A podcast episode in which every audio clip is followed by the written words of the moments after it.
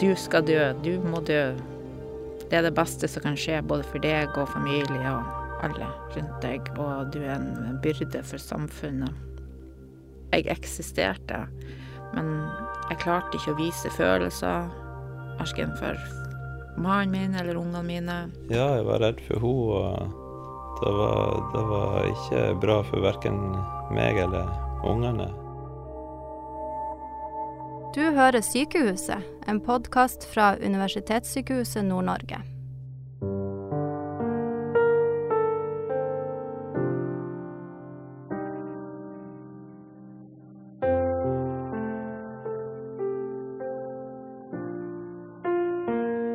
Men for ei utsikt, da.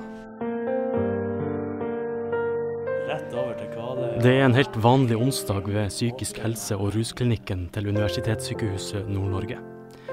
På medikamentfri behandlingsenhet på Åsgård i Tromsø viser 48 år gamle Ingrid Alapnes oss rundt. Hun er godt kjent på avdelinga, der hun jevnlig har vært inne til behandling de siste to årene.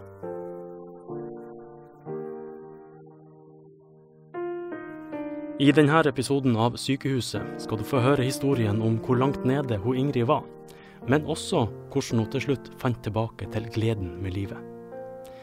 Det er en sterk historie som kan være vanskelig for mange å høre.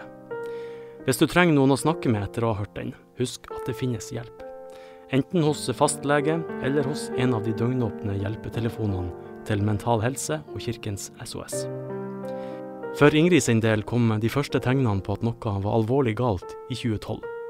Hun var utslitt, og legene mistenkte at hun kunne ha ME, kronisk utmattelsessyndrom. Hadde null energi. Mm. Jeg er vant til å trene mye. Jo mer jeg trente, jo sjukere ble jeg. Snakka med fastlegen min om det, og vi tok alt av prøver. Til slutt så sto vi igjen med ME da. I mange år hadde hun Ingrid jobba i full stilling i barnehage, samtidig som hun hadde tre unger hjemme. Hun ble mer og mer sliten, og begynte etter hvert å få problemer med å sove. Til slutt sov hun bare noen få timer hver natt. Kroppen var i ferd med å kollapse helt. Vi hadde campingvogn i Tranebotn på Senja. Og jeg husker vi hadde vært og ja, og hadde akedag og stått på ski og hoppa og gjort alt det her. Jeg gikk hjem før de andre og la meg i campingvogna, jeg var så sliten. De andre kom inn i vogna, mannen min og tre unger. Jeg husker at de kom inn, og jeg husker at jeg var så sliten. Jeg klarte ikke å si til dem at jeg var sulten. Jeg bare lå der som helt inni min egen verden. Det eneste jeg klarte å gjøre, det var å tenke. Kroppen lystra ingenting. Jeg kjente at jeg måtte på do, men jeg klarte ikke å gå på do. Og sånn lå jeg helt til neste dag. Familien min trodde sikkert at jeg sov, for jeg klarte ikke å øynene åpne. Klarte ingenting.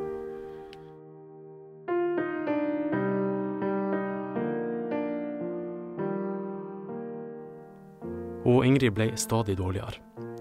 På en god dag greide hun å dusje og tømme oppvaskmaskinen, men etter det så kunne hun ligge tre dager i strekk uten å gjøre noe. De tunge og mørke tankene la seg som et teppe over trebarnsmora. Hun skrev e-post til fastlegen sin og forklarte at hun vurderte å ta sitt eget liv. Da tok det ikke lang tid før hun ble oppringt av døgnavdelinga på det distriktspsykiatriske senteret på Silsand, en liten halvtimes kjøretur fra hjemplassen Sørreisa. Der ble hun innlagt i mars 2015. Hun fikk diagnosen paranoid schizofreni, en sykdom som kjennetegnes av vrangforestillinger, hallusinasjoner, tankeforstyrrelser og uforutsigbar atferd. Jeg eksisterte, men jeg klarte ikke å vise følelser, verken for mannen min eller ungene mine, eller familie. Jeg skjønte at jeg, jeg var sjuk, ja, jeg ville ikke leve, men eh, depresjon og ikke vil leve, det er faktisk mange som har i løpet av livet.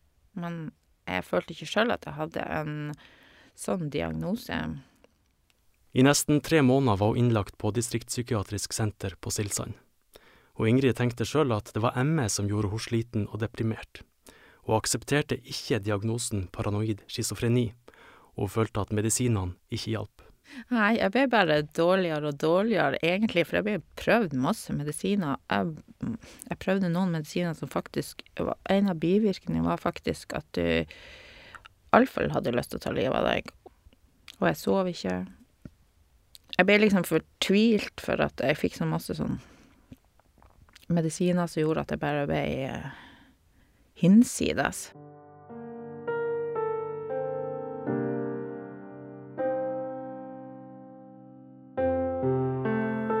I slutten av mai 2015 ble jo Ingrid skrevet ut, men hun fungerte ikke i det hele tatt. Hun følte seg som en zombie. Hun sleit med å holde haka oppe, blikket var tomt. Og Ingrid har alltid sett og følt ting vi andre ikke gjør.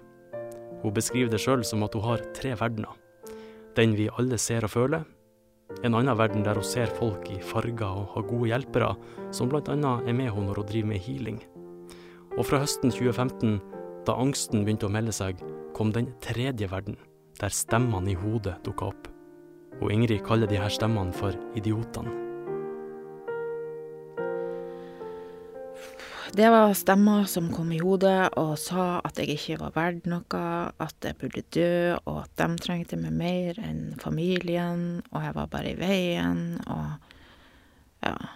Og da kom nå iallfall ønsket om å ikke leve lenger. Uh, ble liksom på en måte bekrefta hver dag. Det neste året gikk hun Ingrid inn og ut av behandlingsinstitusjoner flere steder i landet. Idiotene ble mer og mer pågående, og tankene om å avslutte livet kom stadig oftere. Til slutt gikk det så langt at hun Ingrid bestemte seg for en dato. Bare å bestemme dødsdato var faktisk befriende. Det var som å leve på nytt igjen, og jeg kunne gjøre alt det de gode tingene, og idiotene lot meg faktisk være litt i fred med at de visste at jeg skulle eh, komme til dem da når jeg valgte å dø. Men da dagen nærma seg, kom angsten tilbake. Og Ingrid fortalte behandlerne om hva hun hadde bestemt seg for. Hun var veldig forvirra og visste ikke sjøl hva hun ville. Ønsket om å dø var sterkt, men samtidig ville hun leve. Ja, jeg ville vel kanskje egentlig leve, for jeg hadde jo familie, og jeg har jo unger som er glad i meg, og har alt det. Eh, men når du har bestemt deg for at det ikke funker for deg, så hva skal du gjøre?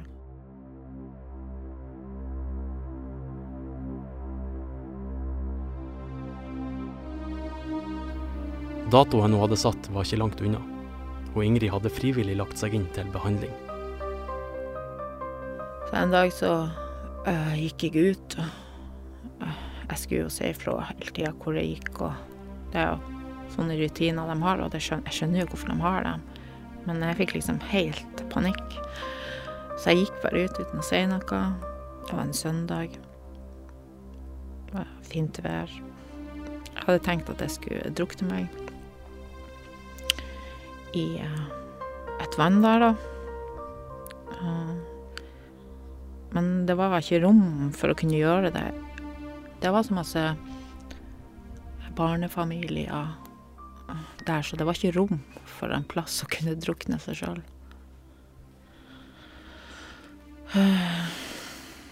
Ja, jeg var skikkelig stressa. Mm, jeg visste liksom ikke hva jeg skulle gjøre. Så eh, jeg gikk tilbake da. Men på kvelden kom en hel gjeng inn på rommet mitt og spurte hva de kunne gjøre for å hjelpe meg. De så skikkelig at jeg var stressa, de visste at jeg, hva jeg hadde planlagt å gjøre. Og, for de lurte på om jeg hadde noe på rommet som ikke burde vært der. Så sa jeg bare ja, det står ei lampe der, og det er jo lang ledning på den, jeg kan jo henge meg i den, så kan dere ta ut. Akkurat da så følte jeg bare at jeg ville ha det stilt, jeg ville ha det fredelig, og idiotene masa hele tida. Eh, du skal dø, du må dø. Det er det beste som kan skje, både for deg og familie og alle rundt deg, og du er en byrde for samfunnet. Ja, jeg visste at jeg hadde Paracet i toalettmappa. Og Ingrid var klar over at hun ikke hadde nok Paracet til at det ville ta livet av henne. Men hun spiste en betydelig mengde tabletter, i håp om at det skulle gi henne ro og fred. Så det var liksom ei da som satt der, da. Og hun var er veldig hyggelig, veldig grei. Jeg følte meg skikkelig sett. Jeg begynte å angre. Jeg fortalte henne hva jeg hadde gjort. Og hun var liksom sånn blid og hyggelig og sånt, og hun, jeg tror ikke hun heller tenkte at det kunne være noen konsekvenser. Eh, så hun snakka med han som var sykepleier, tror jeg. Og han mente Jeg kom inn senere og sa at at, uh, at det var ikke bra for uh, levra og nyrene mine.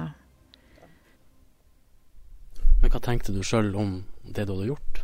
Jeg tenkte at det var veldig flaut, og hadde jeg visst det jeg vet nå, så hadde jeg ikke gjort det. Ikke sånn iallfall. Fra høsten 2016 til sommeren etter var Ingrid innlagt på flere institusjoner. Nye medisiner ble prøvd ut, og i perioder følte hun at det gikk bedre. Men den ordentlige oppturen starta først i august 2017. Og Ingrid hadde hørt mye om medikamentfri behandling tidligere. Og nå hadde UNN nettopp blitt det første sykehuset i landet som etablerte en egen enhet for denne type behandling. Dette var noe Ingrid hadde lyst til å prøve. Jeg hadde jo gledet meg til ei sånn her avdeling der man gjør alternative ting i forhold til medisiner. Det første jeg lærte, var at uh, når man skulle trappe ned på medisiner, så må man gå sakte til verks. Det tar tid. Uh, og man får helt andre behandling. Ja, når jeg kom hit, så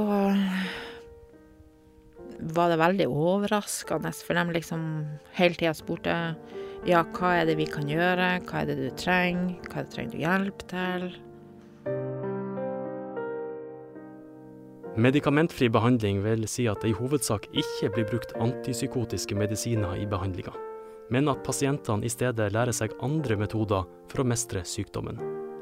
Det er viktig å si at mange psykisk syke trenger medisiner for å bli bedre, og medikamentfri behandling det har vært omdiskutert. Men for noen pasienter er dette et svært godt alternativ, der samtaler, musikk, fysisk aktivitet og kunstterapi er eksempler på verktøy som kan brukes i stedet for medisiner. Hun Ingrid har alltid vært fysisk aktiv, så trening ble raskt et viktig hjelpemiddel. Det samme ble kunstterapi.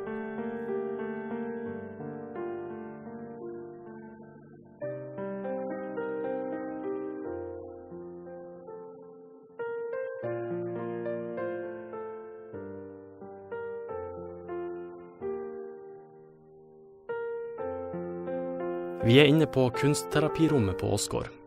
Og Ingrid har nettopp malt de første penselstrøkene på et nytt bilde.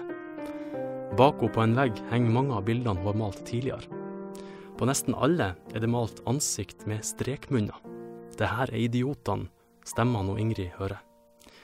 Før var strekmunnene alltid sint, men i det siste har hun Ingrid malt et lite smil på flere av dem.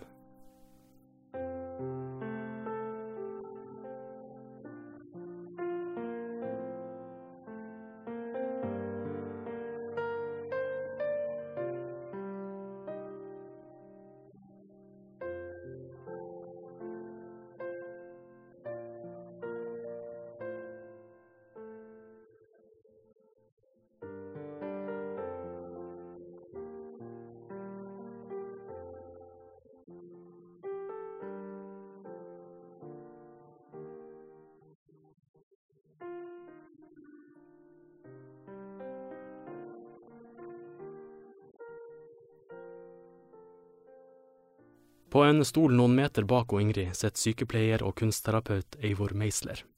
Hun har vært en del av teamet rundt og Ingrid i lang tid. Er jo, jeg er jo veldig takknemlig for at jeg har lært et sånt redskap der jeg kan hjelpe andre å uttrykke seg på papiret. Når de ikke har ord for å beskrive hvordan de har det, så, så har jeg på en måte et ekstra verktøy. Og her, her er et ark. Eh, merk kroppen din, hvor kjenner du det? sitter i magen, har den farge. Og synes, folk syns jo jeg er teit, i, som regel, i starten, men de, etter hvert når de prøver det ut så, og forstår eh, hvordan de kan gjøre det, så er det, en, er det flere som er veldig takknemlige for å lære den måten å uttrykke seg på.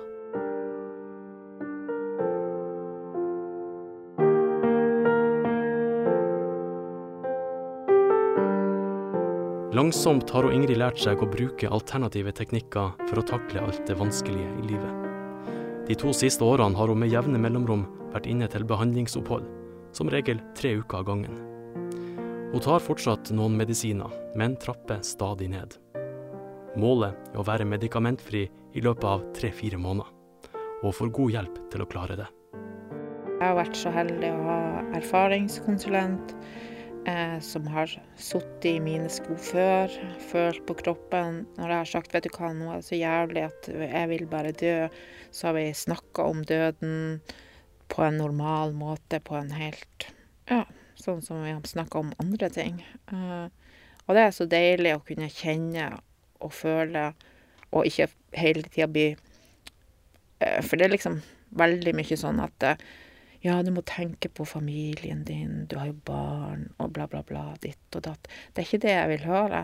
Jeg vil høre at noen sier ja, jeg har kjent det på kroppen, jeg skjønner hva du tenker, jeg har òg vært der. Eh, hva tenker du om det? Altså, ufarliggjør døden, for det er jo så Det er jo helt normalt. Alle skal jo dø en gang. Jeg har bare valgt å kanskje ville gjøre det før.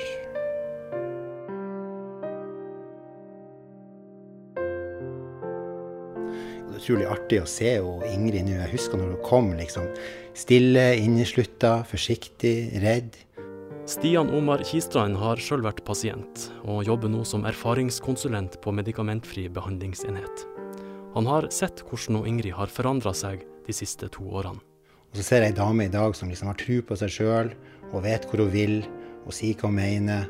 Og det er så godt å se liksom det der sprudlende ansiktet, få trua tilbake og, og snakke som om på en ny måte. da. Hun snakker som om hun er i live, og det er veldig utrolig fint å oppleve det. da.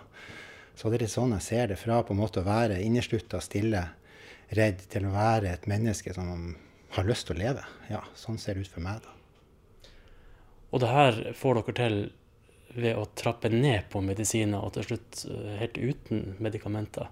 Eh, hvordan fungerer det egentlig? Hvordan er det mulig? Jeg tenker jo, Det er jo sånn hvordan vi forstår det. da. Vi forstår det sånn at medisinene legger lokk på, på symptomer, men også på livet, eller følelsene, og, og, tankene, og forståelsen og kreativiteten. Så man da tar bort medisinene og, og, og putter inn noe annet, aktiviteter, forståelse, fellesskap, relasjoner, så vil på en måte mennesket komme tilbake. da. Så det er sånn vi, vi jobber og tenker da. Eh, men det er viktig å putte inn noe nytt når vi tar bort medisinene. Det er så fælt, syns jeg, når jeg går i korridorene her og så møter jeg medpasienter som er fulle av medisin, og de ikke har ansiktsuttrykk i ansiktet. Og når du møter blikket deres, så er det helt tomt. Og, og sånn har det vært sjøl. Og jeg er så glad og lykkelig at jeg har kommet til en sånn fin plass som medikamentfri. Medikamentfri behandling har vært bra for Ingrid. Det vil det ikke nødvendigvis være for alle. Mange pasienter vil være avhengig av medisiner for å bli bedre. Nå har det gått noen uker siden første gang jeg møtte Ingrid. Behandlingsoppholdet på Åsgård i Tromsø er over for denne gangen, og hun har reist hjem til Sørreisa, en kommune midt i Troms fylke, to og en halv times kjøring unna Tromsø. Jeg har invitert meg sjøl på besøk hjem til Ingrid og mannen Tore Kurt. De tre ungene har blitt voksen, og alle har flytta hjemmefra. Takk for sist. Vi kjøpte dette, det var et småbruk da, som vi har da pussa opp. Og skifta vel det som er å skifte. Bygd ut bad, kjøkken. Eh, når vi flytta hit, så var kjøkkenet her. Eh, jeg syns det var litt utrivelig at folk kom rett inn i stua i kjøkkenet når vi satt og spiste. Altså. Det var meninga, så det er min onkel og min pappa som har gjort mesteparten. Men småbruk, hadde dere dyr og alt? Eh, nei. nei. Vi har valgt å drive med jordbær, siden det var driveplikt. Så det hadde vi. Så har vi tre katter, da. Så du har ligget noen år i jordbærlandet? Ja, det var ikke min plan, det var min mann som ville det. Eh, Jeg er, for å si det sånn, allergisk mot jordbær. Er du allergisk mot jordbær, Ja. og så begynte dere med jordbær? Ja, det fant jeg ut etterpå at jeg var allergisk. Jeg skulle si en hyggelig mann du fant deg. Ja, noe sånt. Eh, Jeg syns det er helt utrolig at han Tore Kurt holdt ut å være i lag med meg. Eh, Det var han som fikk alt. Altså, jeg kunne ikke være med på noe. Jeg var med på ting, jeg var til stede, men jeg var ikke der. Det var som å være innestengt i kroppen. Jeg kunne like godt ha ligget i koma, for jeg gjorde ingenting godt uansett. Jeg bare eksisterte. Ja, var du inne på tanken at det her orker, orker jeg ikke mer? Eh, ikke sånn, men jeg var inne på tanken om eh, eh, at det her er tungt. Ja. Så eh, det gikk liksom på Litt på Ikke på helse eller usdom, men eh, det gikk eh, veldig på motivasjon for å gjøre en, eh, en god jobb, da. Ja. Så det var en stund det var veldig tungt. Når du ser på henne i dag, hva tenker du da? Jeg tenker at vi er fantastisk heldige som har kommet et Eller kommet inn i et sånt opplegg. Det var veldig, veldig bra. Og jeg er ikke i tvil om at uh, det er på rett vei, og at ting vil bli bra. Det er ikke jeg i tvil om. Så hun er mye mer seg sjøl nå, sånn som hun- hun var den gang jeg ble i lag med henne. Så uh, det er, det er bare fantastisk. Det opplegget hun har kommet inn i nå, med, og kan trappe ned på medisin. Og, og jeg ser at hun trives og gleder seg faktisk når hun skal til Tromsø. Så da er jeg òg veldig fornøyd. ja. Og så er det godt å få henne hjem igjen. Når hun forteller at hun ikke så noe lys Altså, hun ville ikke leve. Var du redd for henne? Ja, jeg var redd for henne, og jeg så at det, det, var, det var ikke bra for verken meg eller ungene. Ja, det gikk på Det gikk litt på humør, og det gikk litt på mot og livsglede og Så eh, jeg har vært redd for henne, ja. Det har jeg.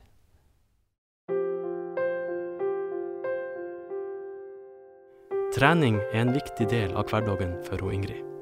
Når idiotene maser for mye, snører hun på seg joggeskoen. Og løpeturene dem avsluttes ofte med en tur i fjæra like nedfor huset der de bor. Her er altså jordbærlandet nå. Ja, her er jordbærlandet vårt. Det er egentlig et lite land. Før så hadde vi jordbær på oversida hele ja, et par mål med jordbær. Hva som skjer hvis du spiser jordbær? da? Jeg får røde prekker på tunga. Men jeg spiste for det. Ja, Det er godt, du må spise litt. Ja. Jeg tenkte vi kunne ta en snarvei. Hva betyr naturen for deg, Ingrid? Det betyr um, alt, kanskje. Jeg liker å være i naturen. Jeg liker å ta på busker og blad. Få energi fra dem. Det er eneste kanskje plassen jeg kan være meg sjøl. For det har jeg vært, når jeg har vært veldig syk, så har jeg faktisk klart å vært litt i fjæra og bare sitte der og høre de vanlige, kjente lydene.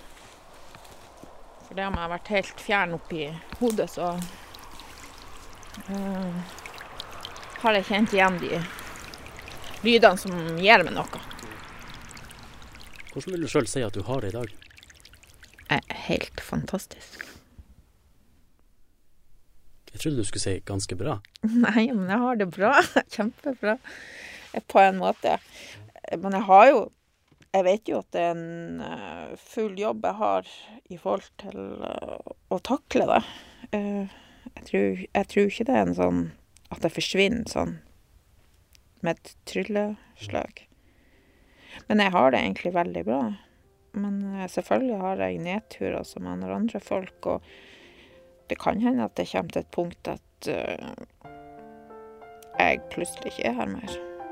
Men uh, hadde ikke medikamentfri avdeling kommet, så hadde jeg ikke vært der. Hvor sikker er du på at det går bra med deg? Fra 1 til 1000 eh, 999.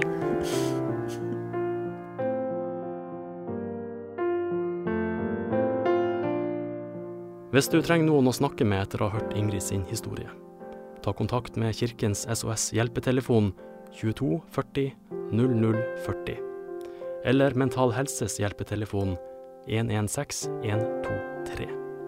Fastlegen din kan også hjelpe. Og vil du vite mer om medikamentfritt behandlingstilbud, så finner du informasjon på unn.no.